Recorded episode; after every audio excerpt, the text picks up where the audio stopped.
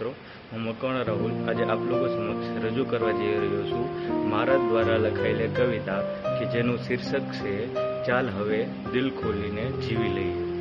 મનના ઊંડાણમાં દબાવેલા દુઃખ કોઈને કહી દઈએ, ચાલ હવે દિલ ખોલીને જીવી લઈએ. એકાંતમાં ચોધાર આંસુએ રડવાને બદલે, એકાંતમાં ચોધાર આંસુએ રડવાને બદલે, ચાલ હવે જાહેરમાં રડી લઈએ, ચાલ હવે દિલ ખોલીને જીવી લઈએ.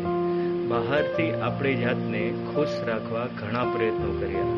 બહારથી આપણી જાતને ખુશ રાખવા ઘણા જ પ્રયત્નો કર્યા. ચાલ હવે એકવાર જેવા છીએ એવા જાહેર થઈને રહીએ.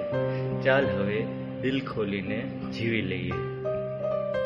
ઘણું લડી લીધું આપણે આફતો અને તકલીફો સામે. ઘણું લડી લીધું આપણે આફતો કે તકલીફો સામે. ચાલ હવે કોઈ અંગતને જણાવી જાણીએ. ચાલ હવે દિલ ખોલીને જીવી લઈએ. ઘણીવાર પપ્પાનો નંબર ડાયલ કરીને કટ કરી દેતા આપણે. ઘણીવાર પપ્પાનો નંબર ડાયલ કરીને કટ કરી દેતા આપણે. ચાલ એકવાર ફરી પપ્પાનો નંબર ડાયલ કરી લઈએ. ચાલ હવે દિલ ખોલીને જીવી લઈએ.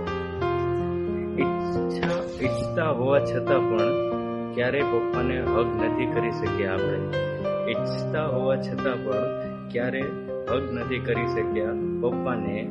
ચાલ એકવાર પપ્પાને હગ કરી લઈએ. ચાલ હવે દિલ ખોલીને જીવી લઈએ. દરેક આફત કે મુશ્કેલીઓનું નિવારણ હોય જ છે. દરેક આફતો કે મુશ્કેલીઓનું નિવારણ હોય જ છે. તો ચાલ એકવાર એ મુશ્કેલીઓ કે આફતોનું નિવારણ શોધી લઈએ.